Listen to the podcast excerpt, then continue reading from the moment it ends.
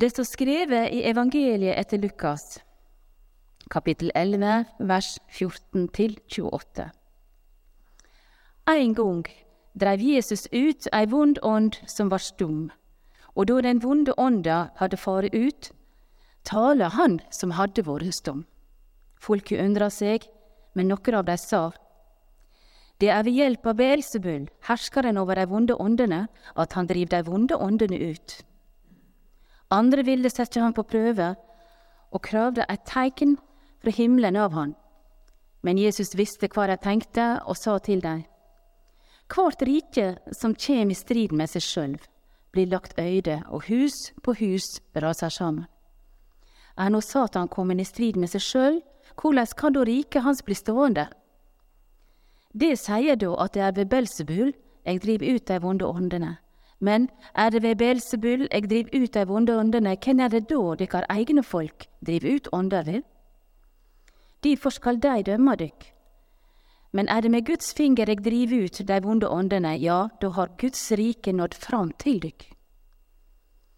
Når den sterke med våpen i hand vakter garden sin, får det han eig, være i fred.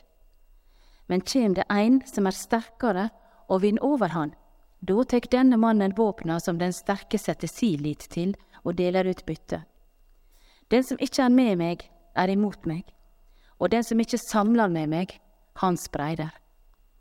Når ei urend ånd fer ut av et menneske, flokker hun over tørre vidder og leiter etter en hvilestad, men finner ingen. Da sier hun, eg vil fara attende til huset mitt, som eg flytta ifrå. Når hun kjem att, finner hun det feia og pynta. Da fer hun av sted og får med seg sju andre ånder som er verre enn hun sjøl, og de flytter inn og slår seg til der. Og det siste blir verre for dette mennesket enn det første. Da han sa dette, var det ei kvinne i folkehopen som ropa, Selt er det mors liv som bar deg, og brysta som du dia. Men Jesus svara, Sei heller, Sele er dei som høyrer Guds ord og tek vare på det. Slik lyder det heilige evangeliet. Vi har akkurat hørt fra første Samuels bok, hvor David utsettes for annet misunnelse av kong Saul, som ser etter hvert at sin makt forvitrer. Efeserbrevet 5 råder oss til å gå i retning av lyset og leve ut den kjærligheten Jesus har vist oss. Det gjøres eksempelvis ved at nabolagene her på Ikornes virkelig merker at vi byr oss om hverandre i menigheten. Vi har også hørt uttrykket 'herskeren over de onde åndene' fra Lukas 11, som forsøker å ødelegge Guds gode hensikter med oss her i Ikornes menighet. Om vi flytter oss til dagens evangelietekst, så diskuteres det om det var Belsebull, altså den gammeltestamentlige betegnelsen på Satan, eller om det var Gud og hans inngripen som sto bak tilfriskningen av mannen med de onde åndene. Hvis vi tolker vers 20, så kan det forstås som at forfriskninga til den tause mannen skjer ved at Gud velger å helbrede mannen midt iblant dem. Mannen har tro på at Jesus helbreder. Han gjør det ved Guds finger. Det nye riket er allerede kommet, og det er midt iblant dem. Når mannen trodde på krafta i Jesu ord, så var han med og ikke mot Guds rike, en samler. Går vi til vers 21-22, forstår vi at det er klart at Jesu ord driver ut mannens destruktive tanker. Det demonstrerer logisk sett styrken i Guds allmakt. Den overgår mannens negative tanker, som frarøver han sjelefred, tenker jeg. Og i vers 23 forstår vi endelig at Jesus representerer Guds rike og løser mennesker fri fra mørke tanker. Jesu ordlegger seg på en her udiplomatisk måte. Han er veldig direkte. Han anklager jødiske skriftlærde for å være på lag det vonde med Belsebull. De forstår ikke logikken i eget ordspill. De havner inn i ei form for trosmessig blindgate. Mye teologi. Hva kan dette da bety for oss i dag? Den danske teologen og sykehuspresten Bent Falk gir oss noe interessant i boka 'Å være der du er'. Han snakker om den eksistensielle angsten, og viser til filosofen Søren Kirkegård. Angsten er ikke definert som en diagnose, men den hindrer oss i å være den vi er skapt til å være. Det er ingen behandlingsform som kan avhjelpe eksistensiell angst. Livet vil alltid være uforutsigbart. Men den beste resepten, sier han, er å snakke om grunnfølelser som eksempelvis sorg, sinne, frykt og glede til en venn du har tillit til. Slik får vi rydda i hodet og gjøre, gjøres klar til gradvis å begynne å leve det livet så lenge vi har det. Fredagens musikalske perler her i kirkerommet var også angstdempende, må jeg si.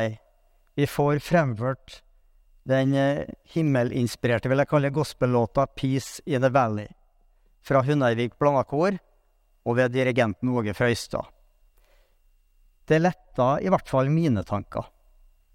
Og når Jan Lade dro til med improvisert jazz à la 1920-tallet, på sin himmeltrompet, i samspill med gutta i Bluehorn Jazzband, så forsvant ytterligere uro, vil jeg si. Og når kirkerommet ble fylt av Margrethe Ødegaard Welles, hva jeg vil kalle sjelfylte stemmer, med assosiasjoner til Ella Fitzgerald, for min del, så mitt hode nærmest rydda reint for uro. Ulempen med et reint hode er at det for min del er ferskvare. Det flytter stadig nye uromoment, og jevnlige bønner kan være bra medisin. Oppsummert, både teologi og praksis her, er at Jesus kaller oss til en fornya bevissthet på hvem vi velger å følge. Jesus representerer et radikalt enten-eller. Den som ikke er med meg, er mot meg og den som ikke samler med meg, han sprer. Den likegyldige passiviteten kan bli en makt som drar oss bort fra evangeliet. Det er ulike maktkonstellasjoner som splitter det hellige, og ikke tror på evangeliet. Det bør vi være oss bevisst i slike tider vi lever i i dag. La oss derfor ikke glemme Jesu egne ord Salige er dem som hører Guds ord og tar vare på det. Det er også et element av helbredelse i dagens lesning.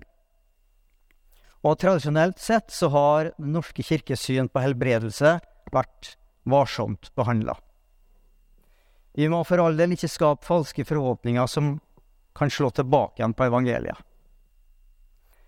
Når det er sagt, så mener jeg at det finnes en form for gyllen middelvei som fortjener litt omtale. Jeg tenker det er nokså enkelt å påkalle Gud i bønn med en ydmyk holdning. Det vi velger å gjøre ved nattverdens altergang i dag.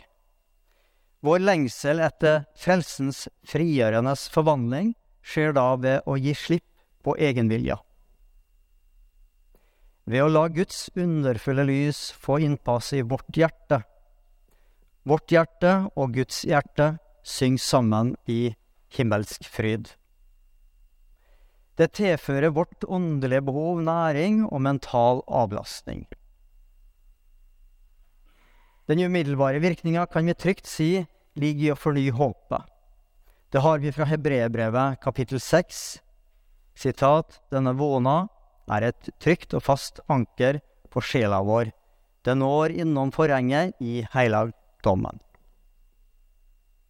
Det gir også Gud en indikasjon på at vi er med Han som har skapt himmel og jord. Vi sammen med Gud forteller om Jesus-historiene og evangeliet i grendelaga rundt Ikornes. Evangeliet er egentlig ikke en privatsak. Det er universelt, hvor misjonsperspektivet handler om å berge menneskeliv.